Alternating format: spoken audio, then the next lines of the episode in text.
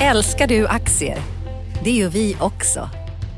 Sea Worldwide Asset Management är en av Nordens största oberoende aktiva aktieförvaltare och har samlad kunskap sedan 1986.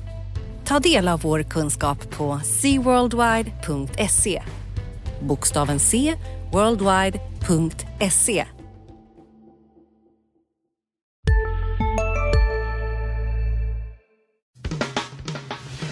Analyspodden från Dagens Industri. Hej och välkommen till Analyspodden. Eh, det är fredagen den 14 september 2018. I studion är det jag, Johan Wendel, reporter och analytiker på DI och med mig har jag Johanna Jansson, analytiker på DI. Välkommen Johanna. Tack så mycket. Vad ska vi prata om idag? Jo, jag tycker vi, vi måste prata om att det faktiskt, som du sa då, 14 september 2018 betyder att det är nästan tio år sedan som eh, investmentbanken Lehman Brothers gick i konkurs. Det måste vi ta lite. Ja, det var ju en liten märkeshändelse kan man säga. Det kan man säga. Och sen eh, tycker jag vi ska prata eh, också om eh, att Handelsveckan faktiskt avslutas lite i dur. Och sen har vi haft lite bud på Stockholmsbörsen. Ja, vi kan väl börja, börja där. Ska vi börja på börsen? Ja, Men vi- om vi börjar med den här optimismen i slutet av veckan. Vad är det som, idag är det verkstad som drar. Idag är det verkstad som drar. Ska vi tippa lite och spekulera lite vad det är som får verkstad att sticka iväg idag så är, skulle jag tippa på att det är lite handelskrigsoptimism. Det har ju kommit lite signaler om att det är på väg att tina mellan Amerika och eh, Kina. Just det, Och- att de ska börja prata igen. Och att man kanske skjuter på de här 200 miljarderna i tullar mot kinesiska importvaror. Exakt, exakt. Så att vi får se vad det innebär. Men kikar vi på börsen då, då så är ju liksom Atlas, eh, ABB är upp, Investor är ju mycket verkstad eh, och det är ju två innehav där såklart. Eh, så de sticker ju iväg. Eh, Volvo är dock runt nollan idag. Tycker det är lite intressant att de inte drar iväg så mycket. Men Eh. Jag vet inte, jag tror så här, det här böljar ju fram och tillbaka det här med handelskrig. Men jag är ju skeptisk om det. Det är inte så att det vi står inför att det kommer att blåsa över. Utan det här kommer fortsätta prägla börsen. Så är det. Och när, när det var, nu är det Mnuchin som ska, alltså eh, Steven Mnuchin som ska förhandla för USAs och USAs vägnar. Och det lyckades han delvis med i våras. Men sen så, eh, bara kort efter det så återupptogs den här oron och fortsatta liksom, eh, åtgärder både från USAs och Kinas sida. Så att, ja, idag är det glatt, men det här kommer fortsätta spöka tror Ja, jag, för marknaderna. Så här tio år efter finanskrisen kan jag ju säga då att jag har fullt förtroende för en före detta Goldman-chef, eh, Steve Mnuchin. Då. Men eh, i alla fall, vi har en ytterst osäker regeringssituation här i Sverige. Vi vet inte vem som ska styra och när de ska börja styra. Men i alla fall så är börsen upp dryga procenten så att eh, aktiemarknaden tar, eh, tar, inte- bryr sig inte särskilt mycket. Tvärtom, kanske tycker det är bra. Vi får se. Det blir, inga beslut är bättre än dåliga beslut. Exakt, kick the can down the road. Men det vi kan konstatera idag på morgonen här är ju att eh, det här eh, fintechbolaget Sinober som levererar lite clearing och eh, tradingsystem till börser världen runt. De har, det har kommit ett bud på dem. Det är Nasdaq, den här globala börsjätten, som lägger ett bud på 75 spänn aktien. Det motsvarar en premie på 22 procent. Och ett totalpris på 1,7 miljarder. Ja, exakt. Så det är lite, det är lite pengar det också. Vad heter eh, Sinober har ju varit en sån här uh, riktig aktieraket och det har varit en ganska småspararfavorit. De är noterade på First North. Men de har ju haft det tufft kursmässigt. Alltså om vi tittar senast eh, från årsskiftet så är de ner 10 procent. Drar ut grafen ännu mer än så så är det betydligt mer. Och eh, vdn lämnade ju i våras, Veronica Augustsson. De har fått en ny vd. Det jag noterar här på kursen idag då är att budet var som sagt på 75 spänn. Kursen står nu medan vi spelar in i 77,7 kronor, alltså högre än budkursen. Och eh, kunde inte låta bli att notera på Twitter att eh, Mattias Eriksson, förvaltare på Coeli, han rattar ju också Coeli Sweden, den fonden som äger 0,36 procent av Sinober.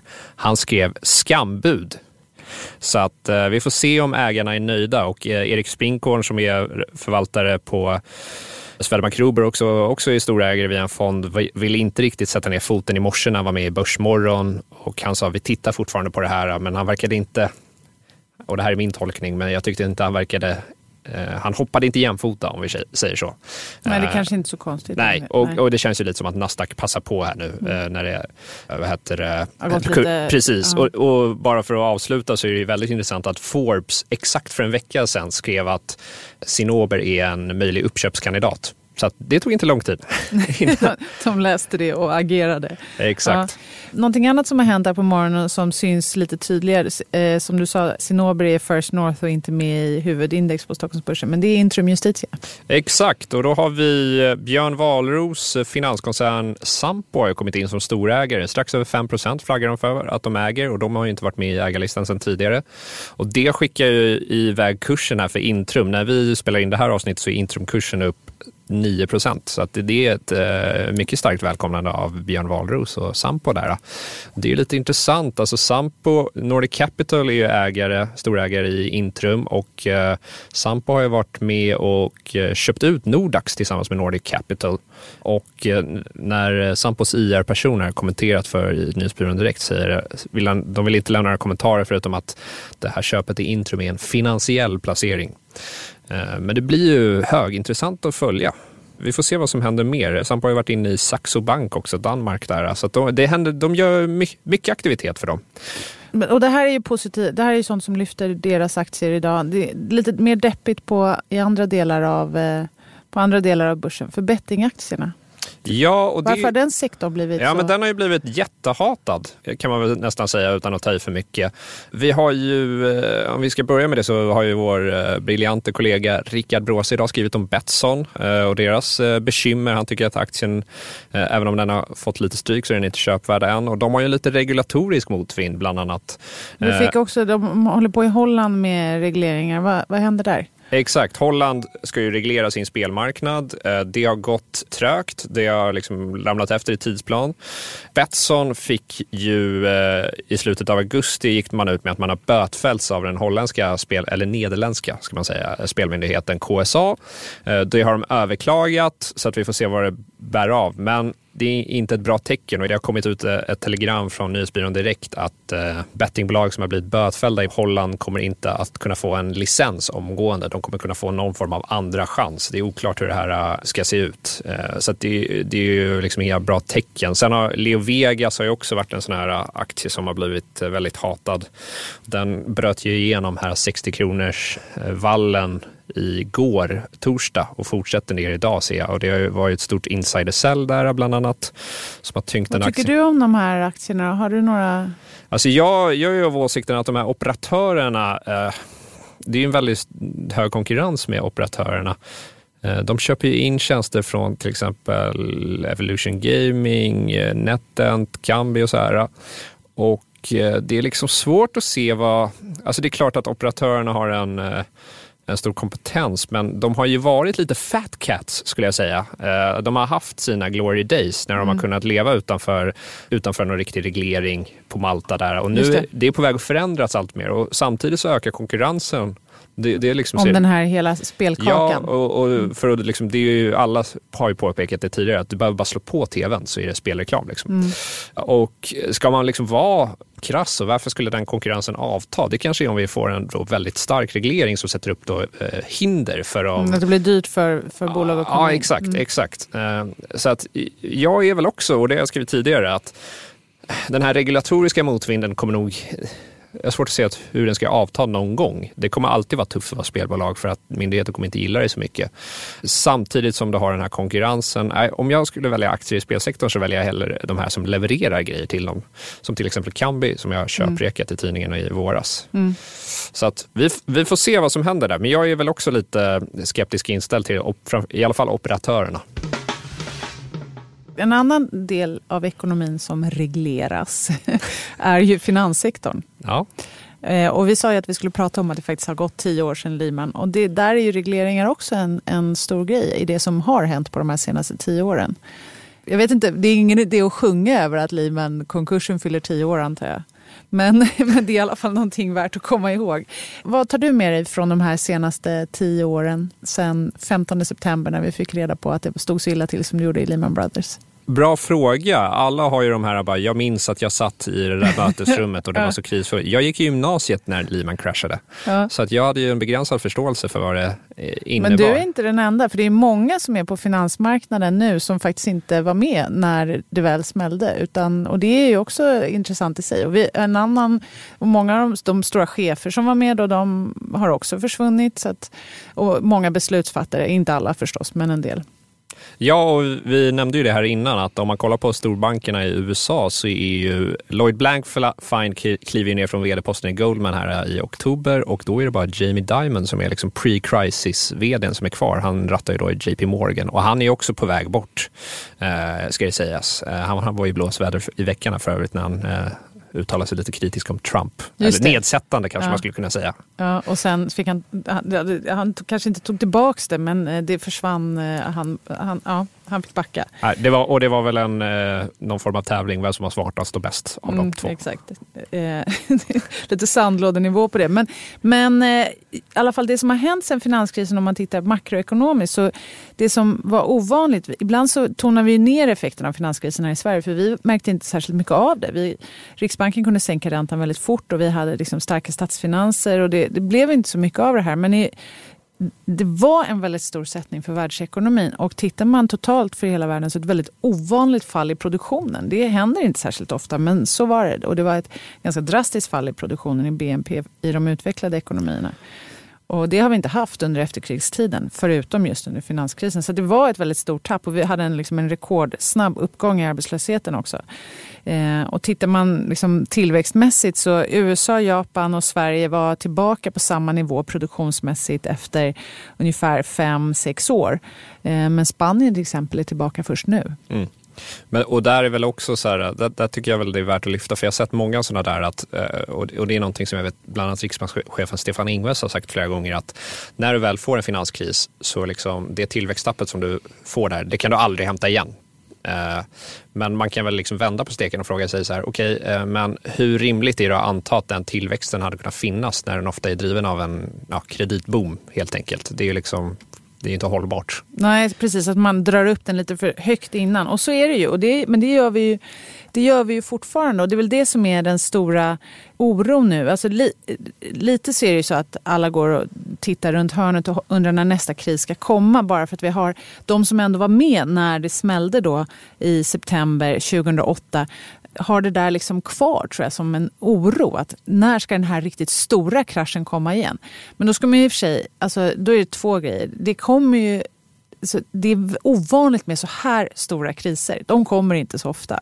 Och eh, tittar man i termer av liksom, effekter på BNP och eh, effekter på finansmarknaden, effekter på arbetslösheten.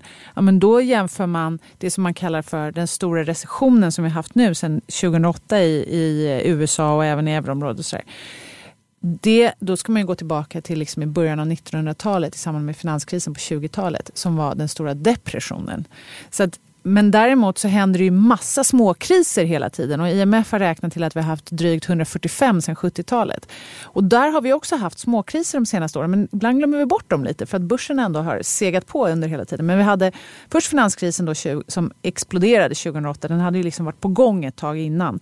Men den exploderade i, i september 2008. Och sen hade vi skuldkrisen i euroområdet. Sen har vi haft lite Kina-oro, eller först lite oro på tillväxtmarknaden 2013, lite Kina-oro och sen så Alltså nu lite oro på tillväxtmarknader igen. Så att liksom den här småkriser har vi ju faktiskt haft. Men jag vet inte, vad säger du om det här? Går du också och oroar dig och väntar på att det ska smälla här igen? Alltså det låter ju hemskt att säga men som eh, journalist så är det ju väldigt intressant att eh, vara med när liksom, stora händelser sker. Eh, och eh, ur det perspektivet så kanske man ibland kan känna så att man vill vara en del av historien. Då är det, det är roligare att rapportera om sånt än att börsen gick upp en halv procent idag. till exempel. med det sagt så jag går väl inte och väntar på en kris eller nej. hoppas du, på en kris. Men jag tänkte mer, inte. Nej, absolut inte så. Men jag tänkte så här, vad tror du? Är du, är du liksom pessimistisk eller optimistisk till börsutvecklingen de närmaste, det närmaste halvåret, året? Nej, men jag är väl lite eh, neutral där, tråkigt. Ja. Eh, men om, om vi, närmaste halvåret, året är ju närm, liksom knepigt att se. Mm. Men däremot ser jag väl eh, jag tror som dig, att, och det här pratade vi om innan också, att tror kanske inte att vi står inför en börskrasch. Vi står inför mer eh, alla 2008, utan vi framöver kommer det vara lite mer normala kriser. Mm. Eh, och då... Och sättningar kanske. Ja, det behöver... Har du också valt att bli egen? Då är det viktigt att skaffa en bra företagsförsäkring. Hos oss är alla småföretag stora och inga frågor för små. Swedeas företagsförsäkring är anpassad för mindre företag och täcker även sånt som din hemförsäkring inte täcker. Gå in på swedea.se företag och jämför själv. Just nu pågår vår stora season sale med fantastiska priser på möbler och inredning. Passa på att fynda till hemmets alla rum, inne som ute, senast den 6 maj. Gör dig redo för sommar. Välkommen till Mio. det faktiskt inte blir kris heller. Och det har vi också sagt. Men det, sen- som, det som ändå har hänt sen, sen, då, sen finanskrisen, som vi sa, det var ett ovanligt fall i BNP precis när den, när den liksom inträffade. Och sen har vi segat oss upp sen dess. Men, men däremot så har ju och det som också har hänt, reaktionen hos centralbankerna och även i viss mån hos regeringar och finansministrar då var ju att här gällde det att ta i för att det här inte skulle bli så allvarligt som den stora depressionen då. Och så att vi har haft minusräntor, det vet vi ju. Kontroversiellt, det skrev du på Twitter här, här häromdagen. Att är det här, där akademiker upplever inte det här som särskilt kontroversiellt men på marknaden så tycker man att det är jättekonstigt att ränta, nominella räntor kan vara minus. Jag håller du med om det? Jag tycker att det är, det är en skiljelinje där mellan folk på marknaden och akademiker. Men det är lite två olika sätt att se på det. Det kan också vara två olika skolor. Alltså antingen så är man mer lagd åt, eh, inom nationalekonomin då, åt det keynesianska hållet där man tänker att man, när ekonomin vänder neråt så ska man vara där och stimulera antingen via skattesänkningar och annat eller via lägre räntor. Och sen så finns det den österrikiska skolan som är kanske mer marknadsnära och konservativ som säger att, ja, men alltså, och lite som du var inne på också, om vi har haft skulder som har blåst upp det här, då, kan vi inte, då ska vi inte stimulera igång det här igen. Eh, för att då får man bara mera skulder och sen så får man liksom felaktiga förväntningar och sådär. Så att det är lite två olika sätt att se på det. Antingen så bryr man sig om att det kostar väldigt mycket att ha hög arbetslöshet eller så tänker man så här, men vi får eh, acceptera lite hårdraget då, acceptera effekterna av att vi hade en krasch och så får vi liksom sega oss upp ur det här. Så det är två lite olika skolor. Jag tyck, för mig är minusränta liksom strax under minus nominellt från centralbanken inte superkontroversiellt. Absolut inte. Så att, eh, men, men det som är speciellt här, och det här är ju nytt alltså. 9 000 miljarder dollar i obligationer handlades till negativa räntor för ett år sedan. Så det, är ju ett nytt universum. Så har vi ju inte haft det förut. Och jag tror ju absolut att eh, det finns liksom fickor här på finansmarknaden som inte, och det ser vi ju redan effekten av nu, som, inte, som kommer att ha svårt att klara dem, den uppgång i räntor som vi ändå ska förvänta oss när centralbankerna gradvis drar tillbaka det här. Vi ser oron i Turkiet, vi har oron i Argentina och på tillväxtmarknaden och sådär. Och sen har vi, ett, eh, har vi ett annat exempel på någon som inte, det kanske inte hade så mycket med högre räntor att göra, men någon som hade tagit lite för mycket risk, eller hur? Ja, det var en eh, stackars norsk trader här eh, som, eh, han står i, eh, Einar Ås, han står inför eh, kan stå inför personlig konkurs. Han har spekulerat bort en väldig massa pengar på... Han hade bett på att skillnaden mellan norska och tyska elpriser skulle minska och det gick tvärtom och han eh, ja, fick katastrofalt fel helt enkelt. Eh, och nu eh, kan det vara så att han står inför personlig konkurs. Han är då en av Norges rikaste män eller personer och har en förmögenhet på drygt 2 miljarder eh, kronor. Hade. Hade, hade ska jag säga, då, antagligen. Och han har ju byggt upp den här från ingenting i princip. Ja, det är Så ju supersorgligt, men en, ur ett liksom stabilitetsperspektiv, det som man också kan kanske oroa sig för lite då, det är att hans eh, förluster då faktiskt har ätit sig igenom flera skyddslager som eh, har funnits mot att då... Eh, De här clearinghusen Exakt. har inte fun- funkat. Det man kan säga är att regleringsmässigt, för det var ju så vi började prata om det här med finanskrisen. Regleringsmässigt så är bankerna mycket bättre skyddade idag än vad de var 2008. Det har byggts upp mycket bättre liksom strukturer och övervakning och man har bättre kapitaltäckning och sådär. Men samtidigt som man har reglerat den sektorn så har det ju liksom en del av kredittillväxten har flyttat ut till andra områden, till skuggbanker och eh, skuggbanksektorn som inte är reglerad och inte garanterad på samma sätt. Och sen också att, eh, ja, att vi under liksom en väldigt lång börsuppgång här har haft, eh, många har tagit väldigt mycket mer risk. Det gäller då att centralbankerna då drar sig bort från det här gradvis, att man inte överraskar någon. Och så att vi inte får den här typen av förluster som helt plötsligt dyker upp någonstans i någon sektor. Då kanske du ångrar vad du har önskat när det gäller grejer att skriva om.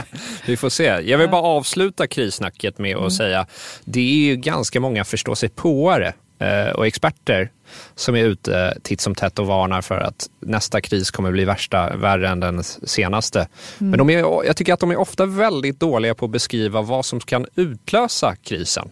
Så där eh, efterfrågar jag lite mer kött på benen. Ja, men då kan du... Eh, ja, precis. Jag är väl en av de här tyckarna då kanske.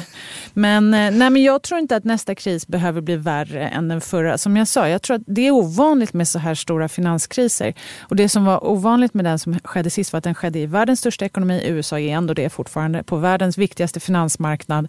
Och den berörde hushållen och bostäder. Och det blir de värsta finanskriserna. Det är mycket värre kris efter en kris på bostadsmarknaden än en kris på börsen bara. Om man tittar på effekterna i Sverige av 90-talskrisen eller effekterna av it-kraschen så blir effekterna mycket större när det har med liksom vår personliga ekonomi att göra än om det är bolag som går dåligt på börsen. Man har ett annat skydd där. Så att jag är inte säker på att nästa kris behöver bli värre på något sätt. Men sen är det ju alltid så att det som gör att man att många säkert glider på målet när det gäller att försöka bedöma var nästa kris ska komma. Det är att såklart, där vi tittar, det är inte där vi blir överraskade. Nej. Men det man tittar på nu, eller det, som, det är ju just, eh, tänker jag, dels den här skuggbanksektorn. Som man undrar, hur mycket, vad finns där egentligen? Eh, Kina och ökade, Skuldsättningen. Ja, skuldsättningen. Alltså att skuldsättningen har fortsatt att öka på många områden eh, efter finanskrisen. Trots att vi vet att det, var höga, att det är höga skulder som driver nya finansiella kriser. Och då är det ja, men skuggbanksektorn överlag, företagssektorn i tillväxtekonomierna och sen kanske också det här med globala kapitalflöden där vi vet att det finns många som ja, Turkiet, Argentina och så där, som är beroende av ett inflöde av kapital. Och, eller så här, tre grejer. Den tredje grejen blir bostadsmarknader i alla länder. Vi har haft fortsatt stigande priser, inte bara i Sverige utan även i Australien, Storbritannien och annat. Ja, så det är The known, the known knowns and the unknown knowns eller vad det nu var Donald Rumsfeld sa. Så man, till slut tappar man bort sig själv. Men, men det är väl de tre grejerna som sagt. Tillväxtmarknader, stigande företagsskulder där och eh, eh bostadsmarknader i, i västvärlden. Ja, men att finanskrisen den spökar ju liksom fortfarande. Vi pratar om den nu. Och eh, det märks också hos centralbankerna. I veckan hade ECB möte. Är det någonting du bryr dig om? Eller? Eh, jo, men det är klart man gör det. Men eh, det är inte något som jag bänkar mig med popcorn framför, ska jag erkänna. Nej, det var nog inte. Det var knappt så att jag gjorde det den här veckan heller faktiskt. Eh, ECB höll räntan som väntat oförändrad eh, och flaggar för att de ska höja någon gång i slutet på nästa år. Ehm. Men det är spännande för jag tycker att ECB har verkligen gått från att vara en stor märkeshändelse. Jag kommer ihåg när folk liksom gjorde analyser på Draghis slipsar och, och, och gjorde ja. sådana här grejer. Nu känns det som att det, eh, jag vet inte om det är jag som har fått mindre intresse eller marknaden har liksom dis du... diskonterat in väldigt mycket vad de ska göra redan. Ja men du har rätt. Och sen så ibland säger man lite elakt att finansmarknaden är enögd och bara kan hålla en sak i huvudet eller framför ögonen åt gången. Och då tycker jag så det som har hänt, förut spelade centralbankerna väldigt stor roll för eh, vad valutorna tog vägen. Och det gör de ju på ett sätt fortfarande. Men nu har vi det här med att politiken har flyttat in som den vikt, en av de viktiga makro grejerna i sånt fall. Och då det, blir det liksom viktigare vad Trump säger om handeln med Kina än vad Draghi säger om att han ska höja räntan någon gång om ett år. Så att det är liksom nya kaptener på det här valutahavet. Det är väl ett utmärkt tillfälle då att kanske höja räntan då? Om man tycker bara att... passa på och låtsas ja. som att om ingen märker. Nej men de, de har nog inget emot att inte stå så här i rampljuset. För det är inte meningen att de skulle... Det var liksom väl mycket fokus på centralbankerna för ett tag sedan. Lite effekt får det ändå. Vi har haft inflationsutfall här i veckan både i Sverige och i omvärlden och det fick ändå lite valutaeffekter. Eh, det var marginellt svagare än väntat och vi såg att kronan tappade lite här på fredag morgonen. För eh, den svenska inflationen i augusti kom in ja, en tiondel lägre än Riksbankens prognoser. Eh, och eh, kuriosa då kan man titta på att SE-banken har använt data som har tagits fram från svenska forskare när man tittar på inflationen i ett riktigt långt perspektiv. Då pratar vi verkligen sen 1200, slutet på 1200-talet. Och då har, konstaterar de att inflationen är hög under ojämna århundraden, låg under jämna och ska man tro på det sambandet då är det 80 år till med jobbigt läge för Riksbanken. Men bostadspriserna ska upp. Men bostadspriserna ska upp, precis. Det, eh, det har ju varit så under de senaste hundra åren så det, det kanske fortsätter. Då. Men eh, vi behöver inte ta ett riktigt sånt långt perspektiv kanske när vi blickar framåt. Men vi kan prata lite om vad som händer nästa vecka. Vad säger du? Absolut. Eh, vi har ett till jubileum. Förutom Lehman då, eh, Lehman-kraschen 10 år, så fyller Riksbanken 350 år om en vecka, lördagen den 22 september och firar med öppet hus. Så är man sugen på att gå dit och prata om sådana här saker kan man göra det då. Ja, grattis förskott, Grattis, vi på att säga. grattis förskott. Vi får sjunga Jag må, jag må han, hon leva nästa vecka istället. Ja. Eh, sen släpper de också protokollet från sitt senaste möte. Det är viktigt. Därför att de är splittrade nu, direktionen. Och det blir intressant för oss centralbanksnördar att läsa på om vem som står var. Eh, och sen har vi också en väntad räntehöjning i Norge nästa vecka. Och eh, sen, apropå det här med att vi pratar om att det är stökigt tillväxtmarknader så har Sydafrikas centralbank räntemöte också. Ja, där har det ju varit lite stök där nere. Ja. Får, eh, nu har de ju en ny president så att vi får väl se om det kanske Precis, och minskar de är lite. en av de här sårbara tillväxtmarknaderna som mycket väl kan dyka upp i, mer i medieflödet framöver. Ha, mera då? Det finns någon annan som släpper spännande siffror nästa vecka. Ja, vi har ju det där lilla klädbolaget Hennes Maurits, H&M kommer ju med eh, försäljningssiffror på måndag. Och eh, det är väl väldigt låga förväntningar skulle jag, skulle jag eh, påstå. Det varit en del som varit ute och snackat innan och sagt att de har låga förväntningar. Kikar man i Factset, då, den här databasen, så kan vi se att eh, estimaten för eh, Q3-försäljningen, då det som redovisas på måndag, har kommit ner lite de senaste månaderna eh, och man spår att de ska ha sålt för ungefär strax över 54 miljarder kronor. Som jämförelse då kan vi ta upp att eh, tredje kvartalet i eh, vad heter det, fjol, då uppgick försäljningen till eh, 59,4 miljarder kronor. Så att, det är ju en, skulle ju vara en försäljningsminskning då. Och, Eh, men jag tycker att eh, det som är noterbart också när man kollar faktset är ju att eh, kikar vi vinsten per aktie det tredje kvartalet så har den kommit ner till 1,98 kronor och det är en ganska rejäl sänkning från 2, nästan 3 spänn som man trodde för drygt ett år sedan. Så att eh, analytikerna fortsätter att bli än mer pessimistiska. Den trenden är liksom inte bruten än när det Nej. gäller H&M och det är många som rekommenderar sälj. Eh, nästan alla rekommenderar sälj på, Mm. på Vår kollega. Agneta Jönsson hade en sammanställning av det nyligen där hon konstaterade att alla utom två ungefär. Ja. Men det, om man ska vända på det då, så kommer de in liksom lite över förväntan så finns det ju det finns ju en hel del blankning då som ska täckas och då finns det ju lite kortsiktig potential på uppsidan. Så att, eh, man kan ju se det på det sättet om man vill, eh, Om man vill försöka sig på en trade där. Eh, jag ger inga råd om sånt men eh, det kan vara intressant att fundera på i alla fall. När den sista optimisten blir pessimist så Då är det då är läge. det två kvar i alla fall. Ja. Histori, Alltså, tidigare har ju analytikerna varit på efterkälken i H&M så att, Mm. ja. Vi får se. Det blir spännande. De kommer på måndag, tredje kvartalssiffrorna för försäljningen. Är det någonting mer du kommer hålla ögonen på i veckan som kommer Johan? Nej, men jag, jag ska försöka skriva eh, lite artiklar tänkte jag. Ja, det låter också bra. Ja.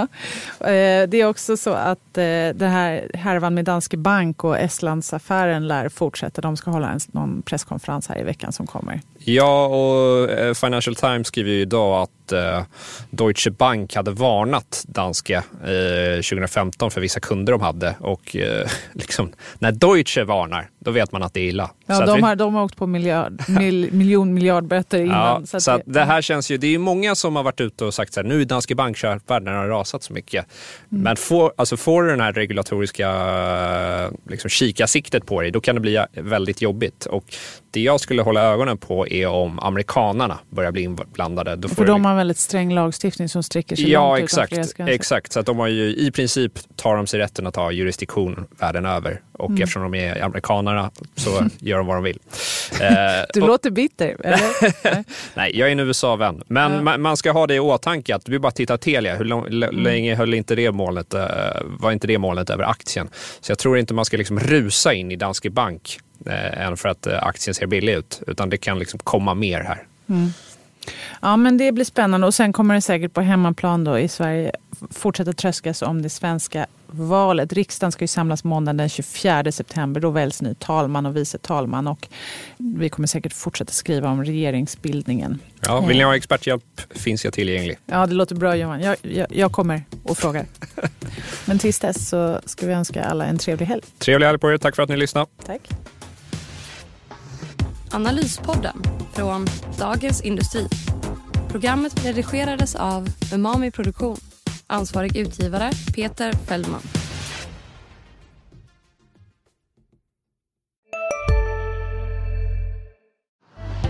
Älskar du aktier?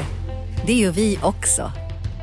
Sea Worldwide Asset Management är en av Nordens största oberoende aktiva aktieförvaltare och har samlad kunskap sedan 1986. Ta del av vår kunskap på cworldwide.se. Bokstaven C, worldwide.se